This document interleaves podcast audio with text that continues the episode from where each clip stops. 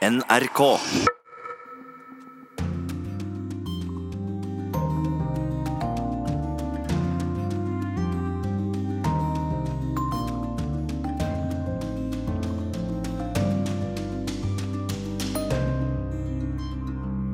I morgen er det siste runde i presidentvalget i Brasil, og favoritten Jair Bolsonaro frir til bøndene.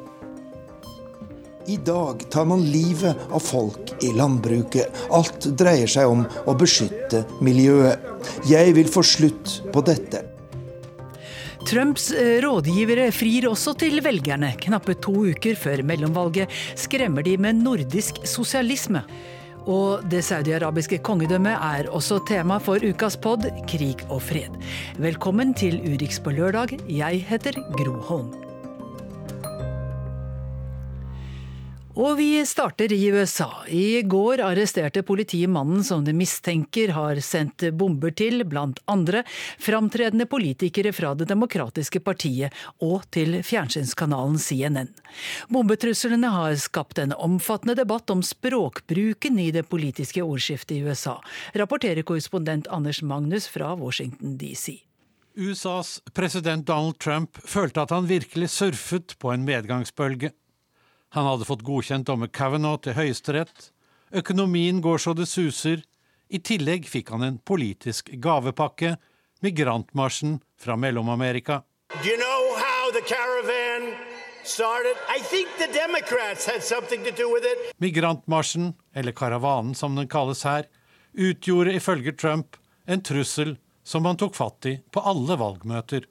Men så kom brevbombene.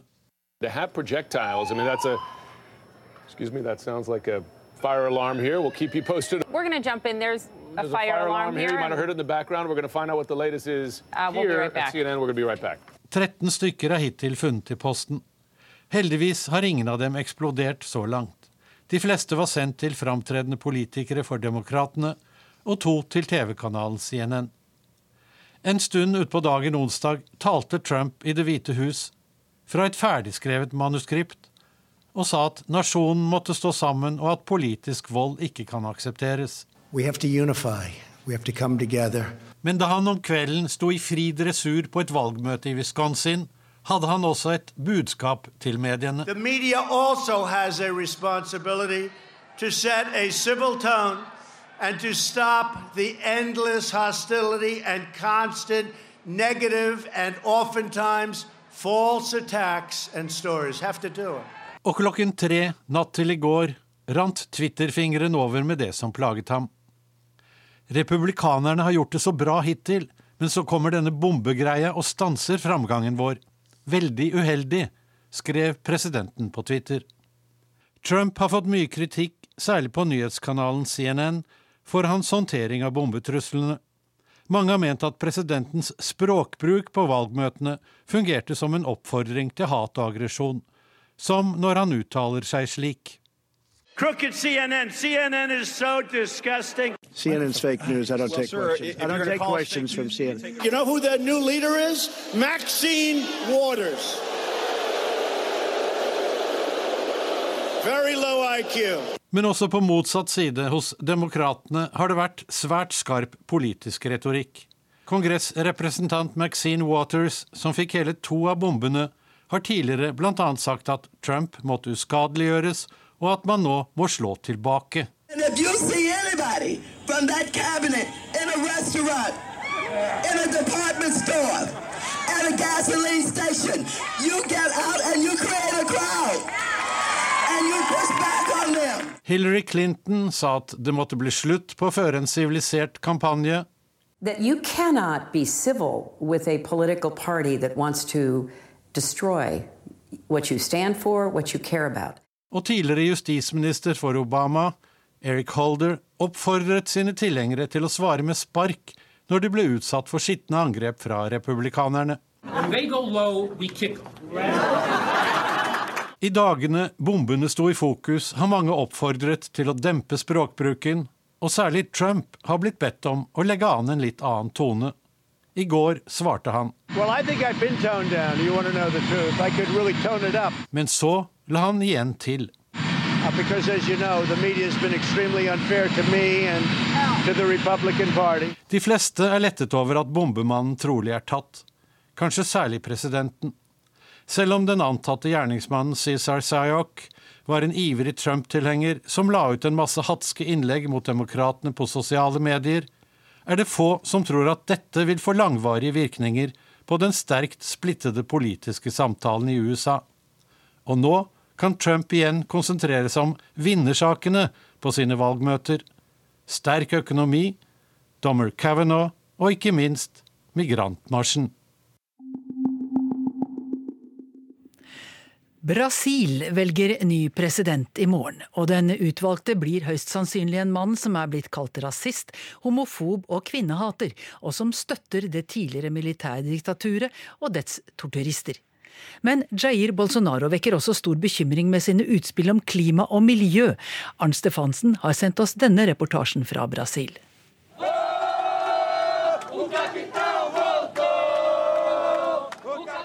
Kapteinen er tilbake, roper tilhengerne til Jair Bolsonaro. Han ble knivstukket under valgkampen, men er nå i full sving igjen, og han leder klart på meningsmålingene foran morgendagens avgjørende runde i presidentvalget her i Brasil.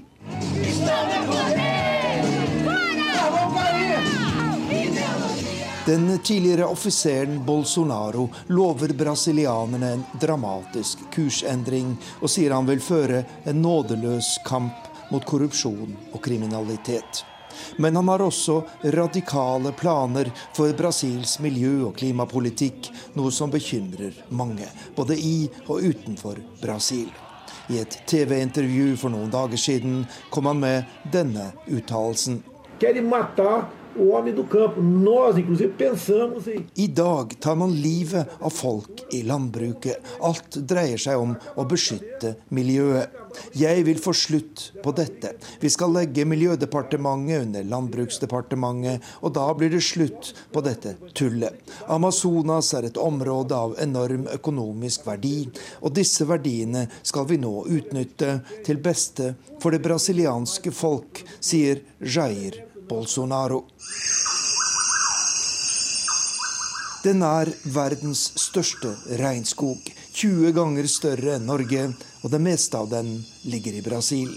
Regnskogen i Amazonas er blitt kalt verdens lunge for sin unike betydning for klimaet på jorda. Men verdens lunge har mange fiender.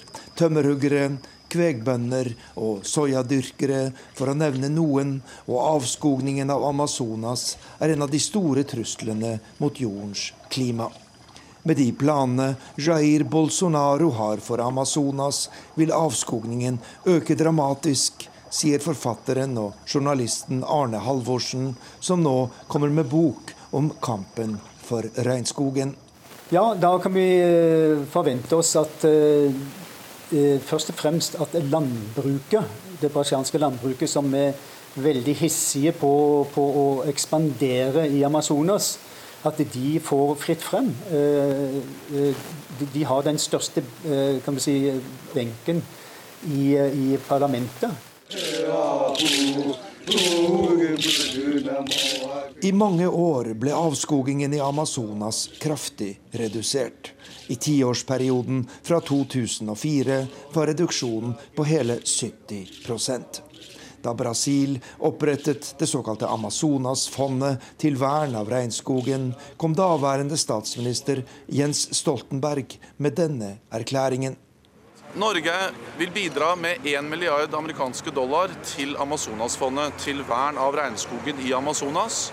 Og det vil vi gjøre fordi det er den måten vi kan få til de største de raskeste og de billigste reduksjonene i utslippene av eh, klimagasser. Forutsetningen for å gi penger til Amazonasfondet er at avskogingen reduseres. Og til nå har Norge betalt mer enn 7 milliarder kroner til fondet. Men hva vil skje med dette prosjektet dersom Bolsonaro kommer til makten? Får Bolsonaro gjennomslag for en del av de ideene han har, så, så, så ser jeg veldig mørkt på den norske satsingen gjennom Amazonasfondet. Sier Arne Halvorsen, forfatteren av boken 'Norge i Amazonas', som snart er på markedet. Miljøvernere i og utenfor Brasil følger morgendagens valg med stor bekymring. Det første store spørsmålet er om Jair Bolsonaro gjør alvor av sine uttalelser om å trekke Brasil ut av Parisavtalen.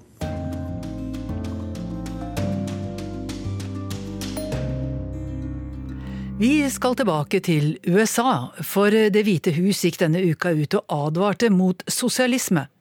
Sosialismen er på vei tilbake i den politiske debatten i Amerika, og det skjer samtidig med at det er 200 år siden Karl Marx ble født, står det å lese i en rapport forfattet av presidentens økonomiske rådgivere. Flere land får gjennomgå, og de nordiske landene har fått et eget kapittel, forteller reporter Øystein Heggen. Wherever true socialism or communism has been adopted, it has delivered anguish and devastation and failure.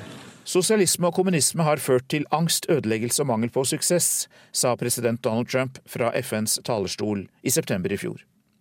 Og denne uka kommer nettopp en rapport fra Det hvite hus der presidentens økonomiske rådgivere er bekymret over sosialistiske ideer som får økt støtte i Kongressen og hos store deler av velgerne. Kommunistiske og sosialistiske diktaturer blir kritisert, men rapporten bruker også mye plass på de nordiske land. Kostnadene ved å eie en pickup truck får æren av å illustrere forskjellene. Den lille lastebilen Ford Ranger koster drøyt 24 eh, 000 dollar i USA, mot 40 eh, 000 dollar i Finland, som er dyrest i Norden. Og kostnadene per uke med å kjøpe og eie en slik bil tilsvarer 4,4 arbeidstimer i USA mot 6 i Danmark, drøyt 7 i Norge og hele 12 timer i Finland. Og ifølge rapporten er det høye kostnader som dette som bidrar til at levestandarden i de nordiske land i gjennomsnitt er minst 15% lavere enn i USA. Denne tolkningen rimer ikke helt med statistikk fra 2017 som tidsskriftet The Economist har satt sammen. Der er Norge på sjetteplass i verden, tett fulgt av Island, mens USA er på ellevteplass i levestandard, tett fulgt av Danmark og Sverige. Den tidligere uavhengige presidentkandidaten og senatoren Bernie Sanders og demokrater på venstresiden ønsker seg et helsesystem og en skattlegging mer lik de nordiske velferdsstatene. Og et av hovedpoengene i rapporten fra Det hvite hus er nettopp å vise at Sanders er mer sosialistisk enn de nordiske landene, for de har nemlig lært av sine feil.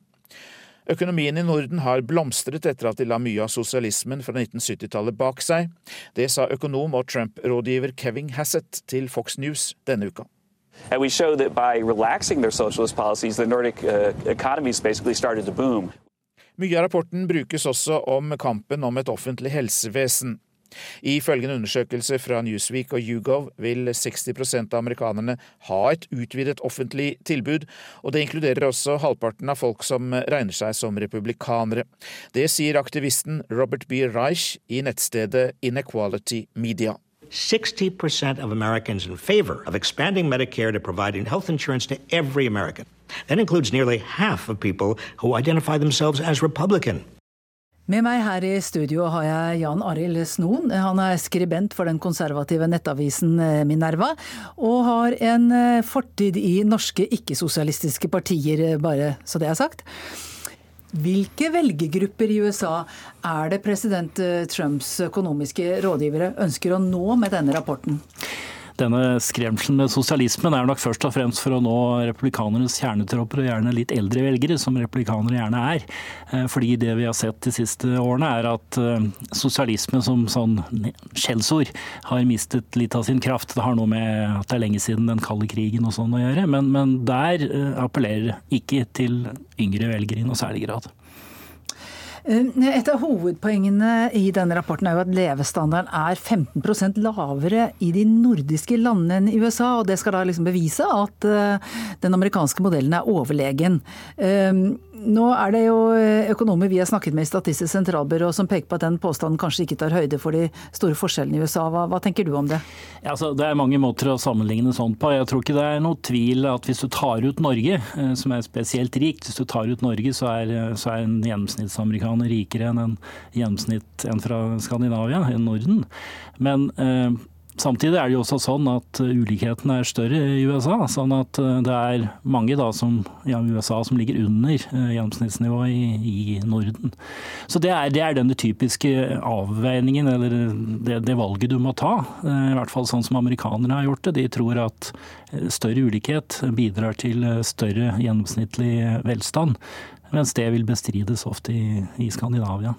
Trumps økonomer bruker jo også mye plass på å argumentere mot et forslag om å gå over til skattefinansiert helsesystem. Eh, og det forslaget ligger allerede på bordet i Kongressen og har støtte fra rundt 140 kongressrepresentanter. Hvorfor, hvorfor er dette temaet så viktig nå like før mellomvalget? Altså, helse er, har lenge vært en viktig sak i USA. Det er en stor del av amerikansk økonomi. Det er et dyrt system. og Du, du har hatt flere runder, særlig da under Obama, en, en stor helsereform som har vært omstridt. Som har blitt mer populær etter hvert. Så Derfor så er dette ofte framme, og det er det nå også. Eh, men nå har du da fått en, et større trøkk bak de som vil ha denne såkalte Medicare for all, som er da en, at alle skal dekkes av, av staten. Som har, som vi hørte her i innslaget, også har eh, stor stor støtte hvis du spør bare om det. Men hvis du samtidig sier at uh, da må vi øke skattene, uh, også for deg, ikke bare for de rike, så får du et litt annet svar. Og der ligger debatten.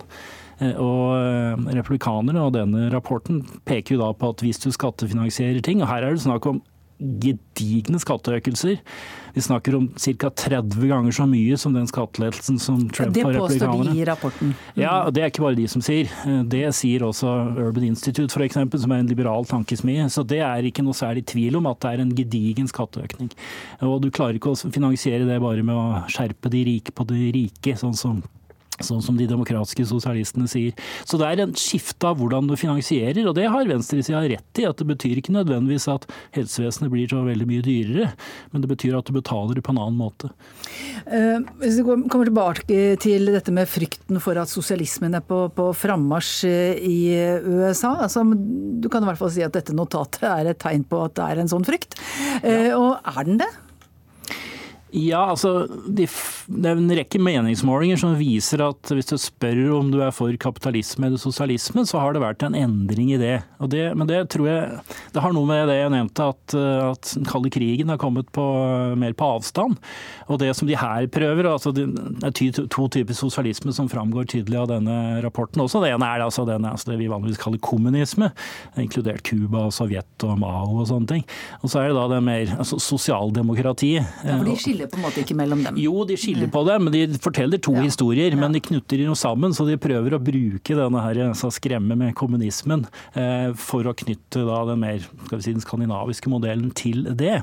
Eh, men når det gjelder den andre, altså det som Amerikanere mener forskjellige ting hvis du svarer på dette. Og Hvis du spør deg, hvis du setter sosialisme opp mot skal vi si, det frie markedssystemet, så er de veldig for det frie markedet. Men hvis du setter opp mot kapitalisme, som har dårlig klang, så er de ikke så for. Men det er en endring, særlig blant yngre. Eh, Ca. halvparten sier de er for sosialismen. Og blant demokrater, også halvparten eller noe flere, som, som ikke lenger syns at det er et dirty word. Da. Så det jeg tror de prøver å gjøre her på republikansk side, er å få det til å bli et stygt ord igjen, eh, fordi det har nå en viss appell. Takk til deg, Jan Arild Snoen.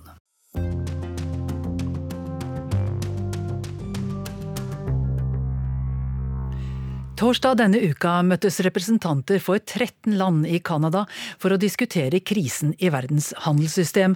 En krise som startet fordi USAs president vil beskytte landets hjemlige industri mot konkurranse utenfra. USA har også truet med å trekke USA fra verdenshandelsorganisasjonen WTO. Uh, WTO treated the United States very badly. And I hope they change their ways. They have been treating us very badly for many, many years, and that's why we were at a big disadvantage with the WTO. Allerede nå blokkerer USA utnevning av nye dommere til WTOs tvistedomstol eller ankeinstans. Men Ingen av de to hovedaktørene i den gryende handelskrigen mellom USA og Kina var invitert til møte i Canada. Det var derimot Norges utenriksminister Ine Eriksen Søreide, her på Skype om hva som kom ut av møtet. Ja, Det viktige nå er å engasjere USA konstruktivt i diskusjonen om reform også av ankeorganet. Det er eh, flere av WTOs medlemmer som ser at det er en del eh, ting som kan gjøres for å forbedre ankeorganets effektivitet. Og Det mener jeg er ting vi må diskutere, og det ble vi også enige om på dette møtet. Selv om vi ikke har et møte med beslutningsmyndighet, så var det en enighet om å fortsette å engasjere USA Velkommen til eh, Urix på lørdag, Arne Melkjord fra Norsk utenrikspolitisk institutt. Du er eh, spesialist på internasjonal handel, og vi hørte jo her utenriksminister Eriksen Søreide si at det viktigste nå er å engasjere USA. Hva ligger i det? Ja, Det er eh, viktig, det er jo viktig å forsøke da, og det er jo viktig å forsøke å forhandle i WTO og få USA med på en løsning. Men, og Ministrene i Canada håper jo da at USA vil så å si ta til fornuft, og at argumentene skal seire. Så, eh, men spørsmålet er om USA egentlig vil ha en løsning. Eh, fordi at Trump har jo karakterisert WTO som den verste handelsavtalen noensinne. Og, eh, og USA oppfører seg jo dels som om de ikke lenger er bundet av WTOs regler. Ja, hva er det dette klage- eller ankeorganet har gjort siden president Trump nå blokkerer utnevning av nye dommere? Eh, altså Jeg tolker den uenigheten som utslag av to ting. Det ene er jo på en måte stormaktsnykker. Altså Store land vil ikke bli styrt utenfra. Eh, man lurte jo på i 1995, da dette systemet ble etablert, om alle land ville respektere dommene og løsningene på disse konfliktene. Og det var jo en fantastisk eh, suksess, kanskje altså på en måte for godt til å være sant, nesten, at man klarte å etablere et slikt regime på et kontroversielt felt, med alle land med. da. Men dette har da fungert. Eh, og, og, store og små land har rettet seg etter dommene, også USA. Men under Trump så er det jo mer America first, og denne motstanden mot internasjonale regimer er større. da. Uh, det andre er jo konkrete saker da, hvor uh, tvisteløsningsorganet i WTO har kanskje strammet litt inn på disiplin når det gjelder innføring av beskyttelsestiltak. USA har vunnet flertallet av saker de har vært involvert i. De har tapt noen ganger, og det har gjort de irriterte. Så, og dette er en konflikt som startet under Obama, altså før Trump også. Norge har jo sammen med EU og flere andre land klaget USA inn for WTO fordi, fordi USA har ilagt ekstra toll på stål og aluminium. Kommer USA til å rette seg etter en dom i ankeorganet i den saken, tror du? Ja, altså Både stål- og aluminiumstollen og handelskrigen mot Kina viser jo at USA nå ser stort på reglene. Altså De begrunner det i amerikansk lovgivning. Mens EU sender ti siders begrunnelse til WTO om sine ståltiltak for å begrunne at de er i samsvar med WTOs regler, så er USA mer slurvete. og Ståltollen har jo da reist en storm av klager, et kaos av klagesaker i et u, eh, ukjent juridisk Men rette seg etter det? Hva tror du? Eh, ja, det, det, er jo en, en altså det er jo saker som vil ta kanskje flere år. og Spesielt hvis tvisteløsningsorganet blir blokkert ved at man ikke får nye dommere, så blir det jo enda vanskeligere. USAs president eh, beskylder jo også stadig Kina for urettferdige handelsforbindelser som han mener skyldes kunstig lav valuta og subsidier. Har han rett i de anklagene? Eh, altså, har jo, altså, det har jo vært noen problemer med Kina. Hovedbildet er jo at Kina har gått inn i WTO og satt ned tollen og fjernet en del ikke-tollmessige hindringer. De har fått et bedre teknologisystem osv. Men det er en god del eh, problemer igjen. Valutaproblemet er vel på en måte delvis løst.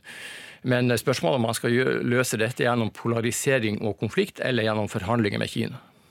Takk til deg, Arne Melkjord.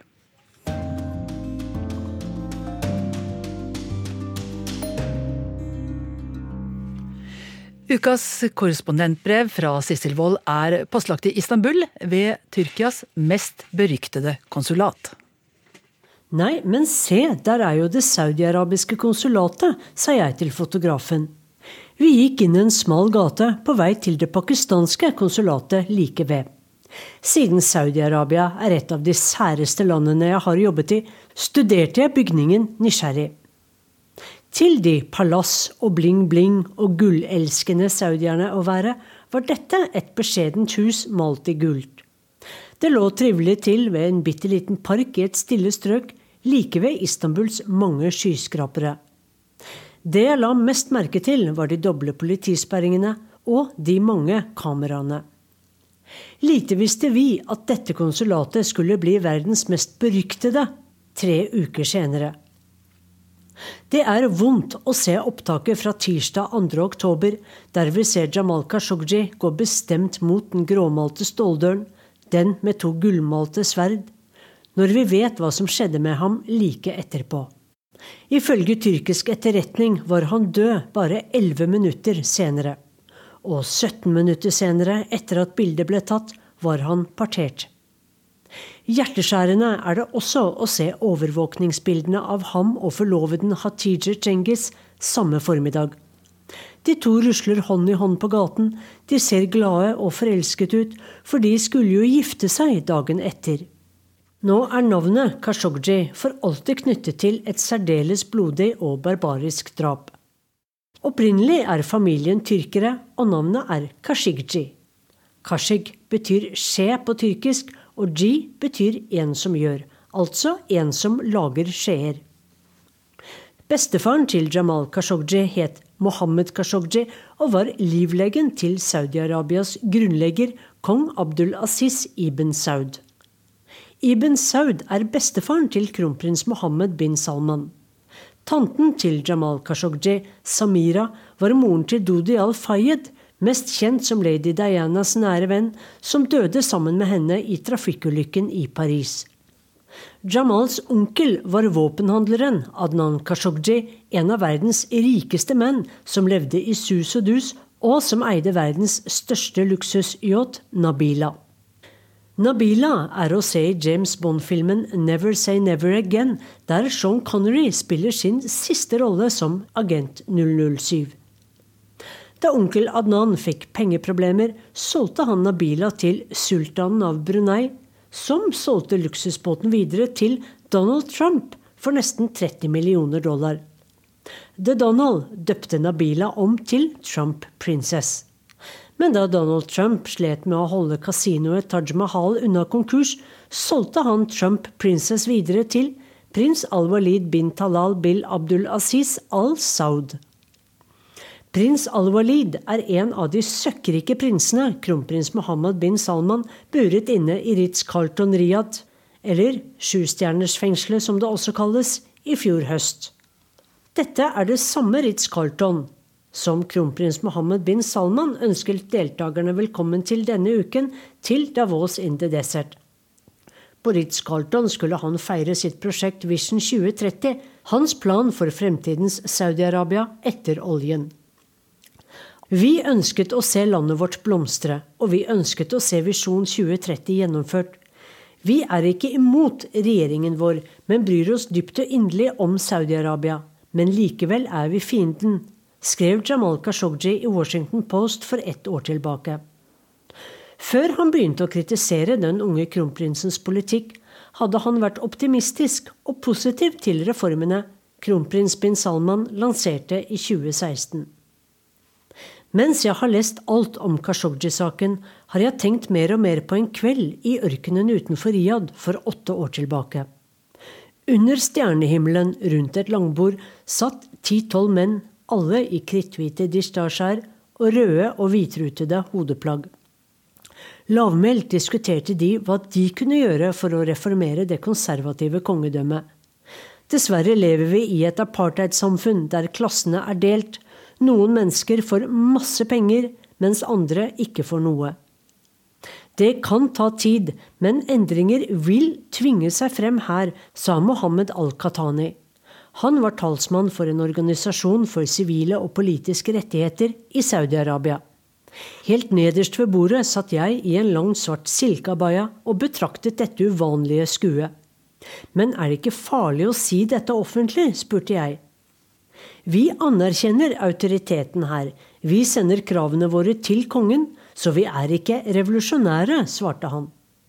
Hjemme i stuen hans i Riyadh spurte jeg Al-Qatani om han ikke var redd for å bli arrestert. Jo, frykten er der alltid, men det er verdt det. Jeg vil kunne fortelle barna mine at jeg forsøkte å endre samfunnet her, sa han. Men i mai 2013 var det slutt. Mohammed al-Qatani ble dømt til fengsel og reiseforbud i ti år. Det var prisen for å ha krevd åpne valg, parlamentarisme, ytringsfrihet, frihet for politiske fanger og konstitusjonelt kongedømme. Hvordan har han det nå, lurte jeg ofte på der jeg satt utenfor det saudiarabiske konsulatet. Da Jamal Khashoggi forsvant, hadde tyrkisk etterretning full kontroll. En drapsskvadron på 15 menn hadde kommet til Istanbul fra Riyadh på forskjellige fly med det formål å ta ham av dage. En av dem var obduksjonslegen Salah Mohammed al-Tubaigi. Den 47 år gamle legen er sentral i det saudiarabiske sikkerhetsministeriet og militæret. Ifølge Al-Jazeera tok doktor Al-Tubaigi på seg høretelefoner for å høre på musikk, mens han tok frem bensagen for å partere liket. Han ba de andre i rommet om å også høre på musikk. Det er lettere da, forklarte mannen med sagen. Var det mulig? Hva slags mennesker oppfører seg slik? Og var det sant? Og hvordan skulle vi rapportere om dette? De to tyrkiske avisene Saba og Yeni Shafak og den statlige TV-kanalen TRT ledet han hver gang tyrkiske myndigheter lekket nye bilder og flere rystende detaljer. Dette var tre medier vi korrespondenter ikke hadde tatt helt seriøst tidligere, fordi de er ukritiske talerør for president Erdogan. Men nå videreformidlet vi alle alt, til tross for at kildene var anonyme. For om både BBC, The New York Times og The Washington Post brakte alle lekkasjene videre, måtte jo dette være sant. Tyrkerne spilte kortene sine godt.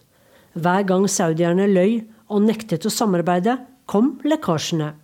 Og vi pressefolk spilte med. Var vi blitt president Erdogans PR-agenter? Var vi nyttige idioter?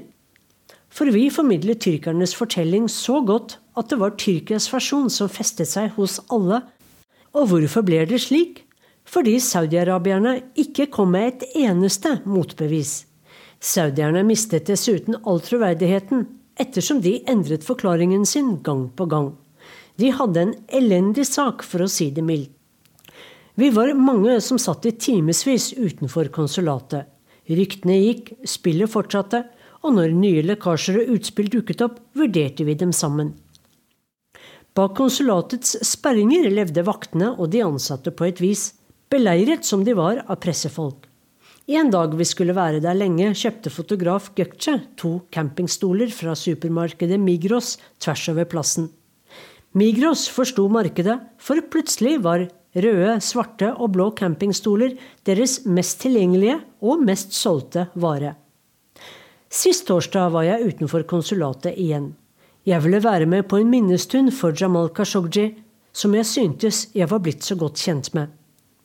Den statlige tyrkiske kanalen TRT ville intervjue meg om hvordan jeg syntes det var å dekke Khashoggi-saken. Den største utfordringen var at alle fakta og lekkasjer bare kom fra anonyme kilder, sa jeg.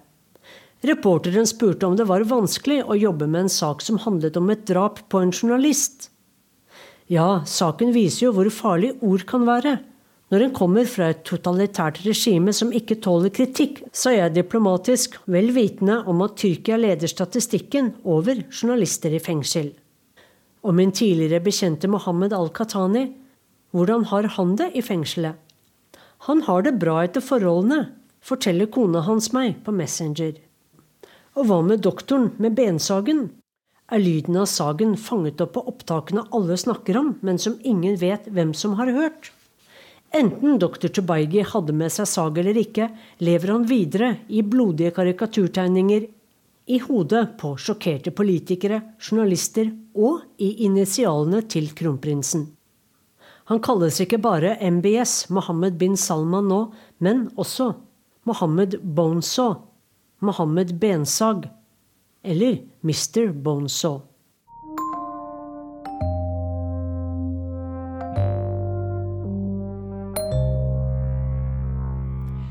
Vi er ikke ferdige med Saudi-Arabia. For én ting er hvordan kongedømmet ser ut fra Tyrkia, men hvordan står det egentlig til i Saudi-Arabia, ikke minst når det gjelder kronprinsens makt? Her er ukas utgave av Krig og fred. NRK. Tore, har du sett bildet av sønnen til Jamal Khashoggi, den drepte saudiarabiske journalisten, der han hilser på kronprinsen Mohammed bin Salman? Nå? Nå, ja. Nei, heldigvis ikke.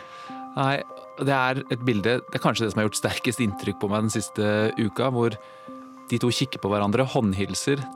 Uh, og det står altså en sønn som har mistet faren sin, som må håndhilse på han som regjerer i landet. Og kanskje ga drapsordren. Og kanskje ga drapsordren.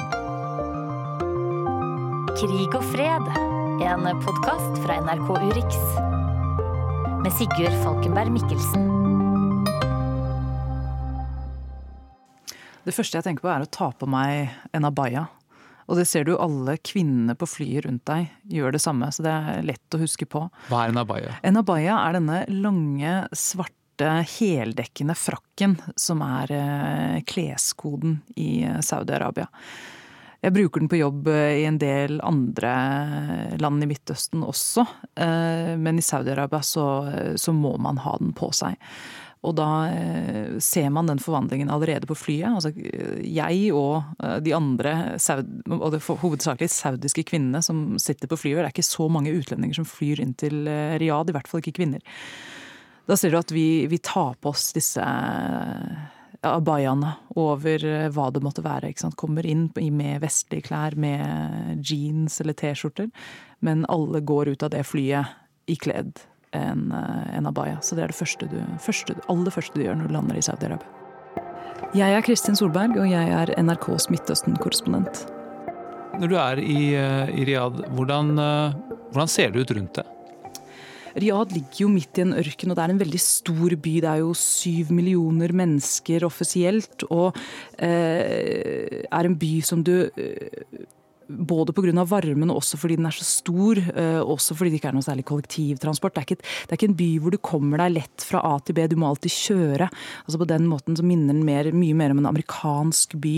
Litt blanding av en, en, en langstrakt amerikansk by og en by i Gulfen eh, på, en, på, en, merkelig måte. Og det var der nå også. Var, da var det jo blitt sånn at plutselig så kunne kvinner kjøre. Eh, det fikk de jo lov til da i, for første gang i juni. Hvor mye så du av det? Var det mange kvinnelige sjåfører? der? altså det, det, var faktisk ganske interessant, for jeg var der i åtte dager. Og, og du kan kanskje ta, ta sånn, Gjett hvor mange kvinner jeg så kjørte. Jeg var mye ute på veiene. Jeg vil i utgangspunktet tippe kanskje ikke så mange. Men to. To, ja. To på hele uken, og da så vi faktisk etter det. Og vi hadde en liten, en liten lek i, i baksetet der, der, vi satt da, jeg og eh, kamerakvinnen eh, Inger Kristine Le og vår produser Daisy Moore. Alle tre kvinner, og vi da satt klemt sammen i baksetet av en bil da i, i abayaene våre. Og vi hadde en liten lek om at den første som så en kvinne som kjørte, skulle få en, få en premie. For det gikk mange dager før vi, før vi faktisk så det, og det var ganske overraskende. Jeg snakket med mange saudiske kvinner om det. og det var mange som følte at de ikke helt hadde denne selvtilliten det tok for å komme ut i trafikken. Og de få jeg så var, om, var, var da om kvelden, gjerne etter at rushtrafikken hadde lagt seg, så, så, så var det, kom de ut da. Det var flere som sa det også, at det kjører vi litt om kvelden. Men mm. foreløpig altså, ikke mange. Du var der like før journalisten Jamal Khashoggi ble drept. Vi går direkte til Sisselvold i Istanbul. Det svirrer altså mange rykter om liket til Jamal Khashoggi. Hvor har det blitt av? Ja, det er ikke godt å si. Og disse reformene som Mohammed bin Salman, kronprinsen, står for, de kan jo fortone seg nesten som mer et propagandautspill mot Vesten enn noe annet? Ja, jeg tror nok kanskje det er litt av begge deler der. For det var jo også et press fra bunnen av. Eh, det så vi jo med arrestasjonen av kvinnerettighetsaktivistene, som, som jo ble en god del av dem som hadde kjempet i årevis for retten eh, til å kjøre, ble, ble kastet i fengsel like før eh, dette forbudet da ble opphevet og kvinner faktisk kunne kjøre. Så kan virke som en liten motsigelse, sånn i hvert fall sett utenfra, men som, som kanskje også henger litt sammen. At det kanskje er en melding om at her er det vi som styrer hvor fort dette går, og det er vi som eh, setter i gang disse reformene. Dette kommer ikke fordi dere har bedt om det. Eh, men jeg tror nok også at det er nok eh, kanskje det med å kjøre.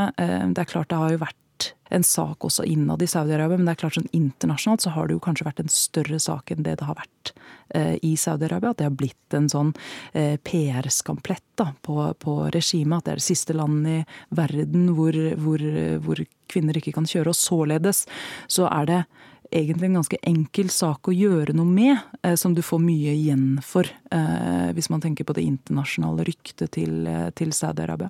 Når det er sagt, så er de, snakket jeg også med kvinner som virkelig ønsket å kjøre. Altså det, var, det var venteliste på kjøreskolene. Jeg snakket med, snakket med flere som hadde ventet liksom, i to måneder på å få plass på, på en kjøreskole. Da. Så det var jo også noen som, eller flere enn de jeg så, som ønsket å gjøre det. Da du var i Saudi-Arabia, kunne du da stille spørsmål om Mohammed bin Salman og hans reformer? Jeg kunne selvfølgelig stille det spørsmålet, men, men da vil jeg utelukkende få positive svar. Fordi ikke de torde å si noe annet? Ja, enten fordi de reelt støttet det, eh, eller fordi de ikke turte å si, si, noe annet.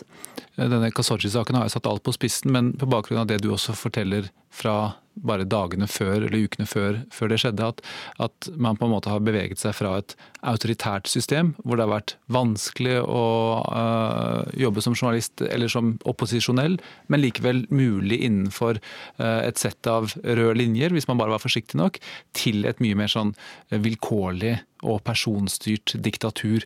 Er det en beskrivelse du kjenner deg igjen i? Ja, jeg syns også det. Eh, det er min, eh, min, analyse av det også. Eh, og jeg tenker som så at Saudi-Arabia har jo alltid vært mer eller mindre undertrykkende. Men nå er det i den, den, den, den verste enden av skalaen. Um, og det har aktivister i, i, eksil som jeg har snakket med da anonymt også, også, sagt. At de sier at de kan ikke huske at det har vært så ille. Og det som er litt interessant med dette, er jo på en måte å se på det i kontekst av regimets egen overlevelse. At på den ene siden her så kommer man med eh, reformer som gjør livet litt lettere. Selvfølgelig må man innad i Saudi-Arabia, man må få landet bort fra oljeavhengigheten. Og for å gjøre det så må man ha økonomiske reformer. Men det er også sosiale reformer, som at folk kan nå gå på kino. De første kinoene har åpnet i Saudi-Arabia. Tidligere var jo slikt forbudt, og var ikke, rett og slett ikke så mye å gjøre eh, på fritiden i, i Saudi-Arabia. Men nå har man da myknet opp på noen hold, eh, som gjør at man da tilfredsstiller jo en del av befolkningen på den måten, og så har man da slått veldig hardt ned på kritikk og opposisjon. Eh, slik at det nesten ikke kommer fram lenger.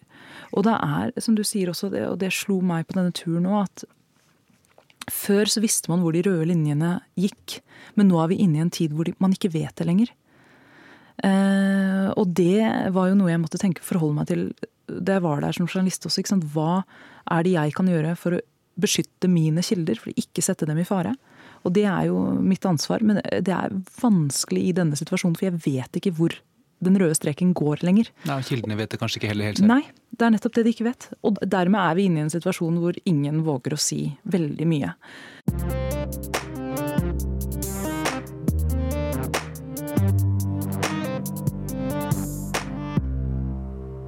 Saudi-Arabia. Hva gjør det landet annerledes enn andre land i Midtøsten? Jo, det er flere ting. Det er jo for det første det at det er der du finner Mekka og Medina, altså de hellige stedene i islam. Så det er på en måte islams krybbe. Og derfor spiller religion en viktig rolle i, i samfunnet. Og så har de jo mye olje, som har gitt stor eh, innflytelse regionalt, og, og, som jo selvfølgelig har påvirka økonomien og samfunnet eh, på, på, mange måter. Men det er samtidig et uh, mer variert land enn en, en mange ofte kanskje tror. Sentrum, altså Najd-regionen i, i landet er veldig religiøst konservative og sånn, mens Hijaz, altså kysten på vestsiden, er vesentlig mer sånn kosmopolitisk og liberalt. Og I sør så har man fjell og, og grønne skoger. Og i øst så har man stor sjiabefolkning. Så, så det er et ganske variert uh, Sjiamuslimer? Shia, Shia-muslimer, ja. Mm. Det er et ganske variert land. Jeg heter Thomas Hegammer og er forsker ved Forsvarets forskningsinstitutt. Jeg har uh, forska eh, en god del på eh, Saudi-Arabia, spesielt på eh, militant islamisme der, og har besøkt landet en rekke ganger for lengre perioder, og senest i juli i sommer. Det er også et land med ulike politiske strømninger. Det fins betydelig måte, liberal intellektuell trend i, i Saudi-Arabia. Det sies at det er det landet i den arabiske verden som konsumerer flest bøker. Det er, det er utrolig interessant, fordi det bildet man sitter igjen av Saudi-Arabia, er jo veldig endimensjonalt. Ja, det er det. De har jo slitt med omdømme eh, egentlig i veldig lang tid. Ikke minst siden 11. 11. september, hvor det jo kom fram at eh, de fleste flykaprerne var fra Saudi-Arabia. Og i ja, de siste 17-18 årene så har jo Saudi-Arabia sakte, men sikkert eh, bygd opp igjen eh, det her omdømmet. Og det er jo det som er så fascinerende nå med denne Khashoggi-saken. At nesten alle de anstrengelsene nå er forgjeves. For nå er omdømmet i fritt fall igjen. Og alt de har på en måte gjort de siste årene, er nå på en måte borte. Suudi Arabistan'ın İstanbul'daki başkonsolosluğunda öldürüldüğü kesinleşen gazeteci Cemal Kaşıkçı cinayetiyle ilgili kapsamlı bir değerlendirme yapmak istiyorum.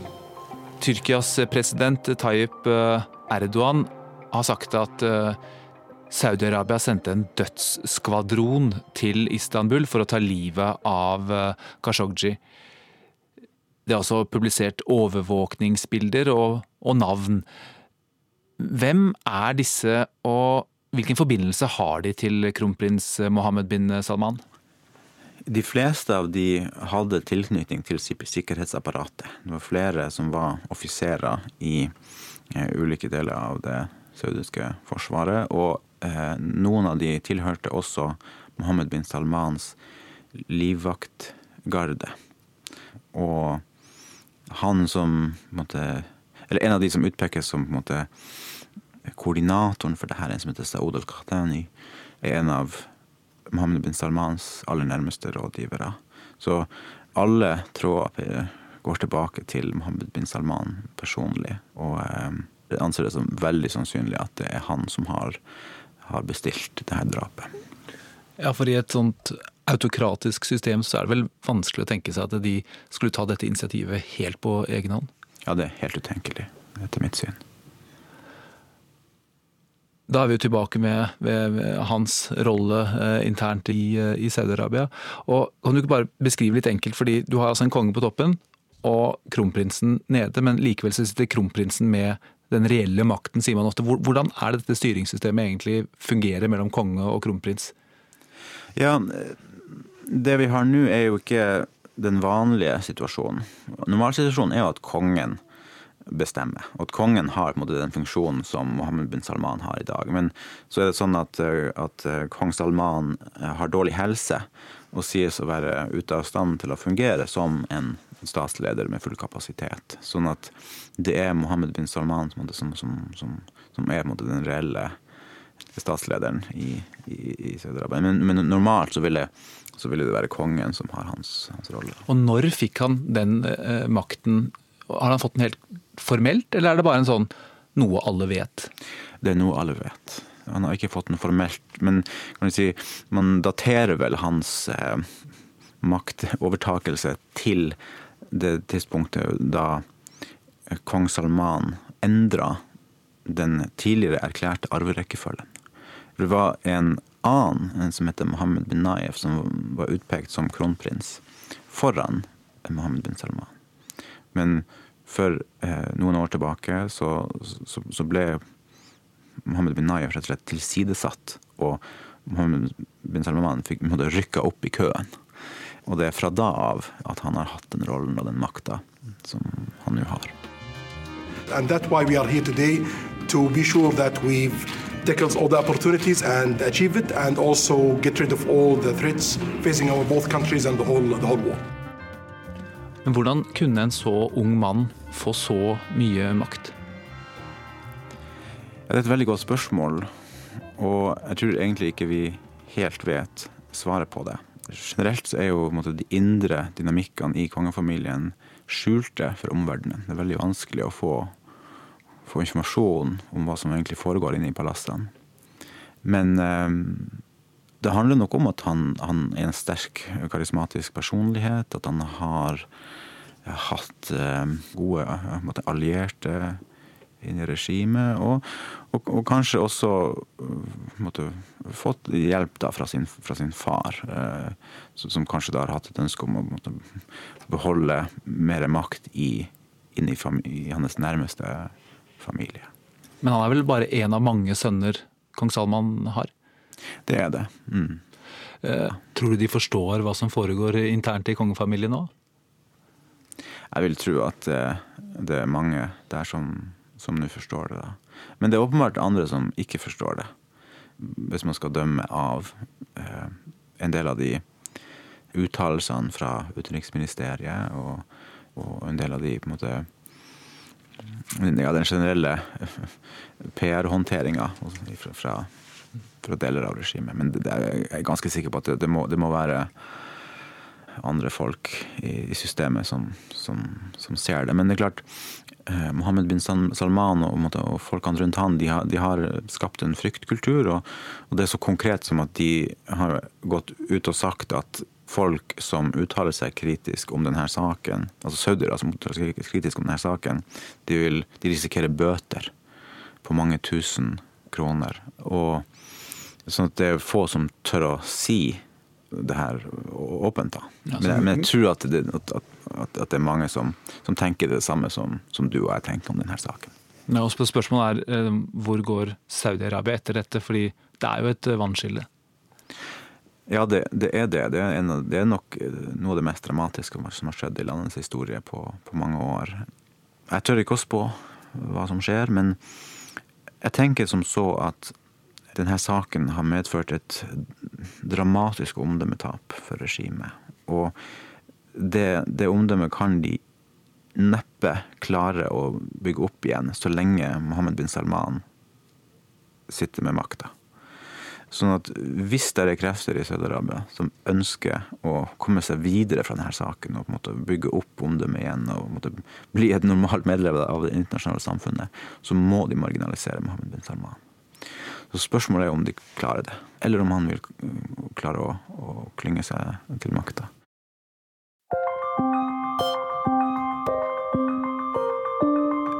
Kristin, som Midtøsten-korrespondent for NRK, hvordan leser du situasjonen i Saudi-Arabia nå? Jeg ser det litt i kontekst også av den, den, generelle trenden i Midtøsten. Etter den såkalte arabiske våren.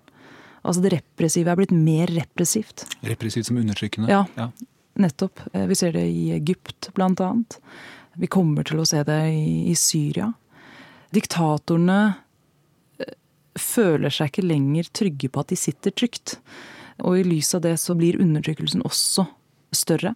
Så tror jeg nok også at selvfølgelig i Saudi-Arabia så er det også persondrevet. Altså vi har jo en, en ny kronprins uh, der som, som uh, har vist tendenser til å være ganske autoritær. Og det er jo også egentlig en, en interessant ting å se på. Uh, for, for, for sånn, i Saudi-Arabia så var, var det jo tidligere styrt av en ganske eh, stor grad av konsensus mellom ledende skikkelser i kongefamilien. Kan det også være at eh, de eh, er ikke lenger like trygge på sin egen makt, men samtidig så har de også vært gjennom ganske tøffe tak, som gjør at, at det er lettere å bruke vold, og at kritikken også har stilnet i stor grad fra f.eks. vestlig hold, som gjør at kanskje vi egentlig ikke burde være så overrasket over denne Khashoggi-saken når det kommer til alt. Nei, nettopp. Det tror jeg er en, eh, en, god analyse. Og jeg tror nok, slik som jeg leser situasjonen, så kom nok denne internasjonale fordømmelsen etter Khashoggi-saken kom nok ganske overraskende på Saudi-Arabia. Og jeg tror at det kan ha vært et tilfelle av her har man tatt små steg eh, i den retningen ganske lenge. Uten en internasjonal fordømmelse, selv om det har vært mange muligheter for verdenssamfunnet til å til å fordømme det som har pågått, med arrestasjoner eh, og pågripelser, med stadig mer under, politisk undertrykkelse og, innskrenkninger av ytringsfriheten. Det jo, var jo også eh, selvfølgelig i fjor eh, høst denne lille episoden med statsministeren i Libanon som angivelig var kidnappet av Saudi-Arabia. Alt dette kunne foregå uten stor internasjonal fordømmelse, for Saudi-Arabia har jo alltid vært en for viktig handelspartner. Og så tror jeg nok også dette med Trump i Det hvite hus har gjort at styresmakten i Saudi-Arabia har følt seg modigere. At de har kunnet slippe unna med mer, og at de har testet grensene. Og så kommer plutselig denne Khashoggi-saken, hvor det kan ha vært et tilfelle hvor de da rett og slett har gått for langt eh, hvis, eh, hvis eh, det viser seg at han ble drept på et bestialsk og, og planlagt vis inne på konsulatet. Du har hørt podkasten Krig og fred med Sigurd Falkenberg Mikkelsen.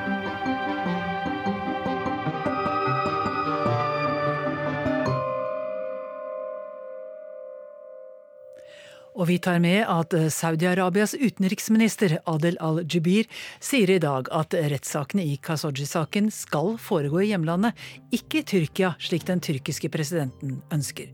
Utenriksminister Jubir sier også at mange er blitt hysteriske i denne saken, og at etterforskningen vil ta tid.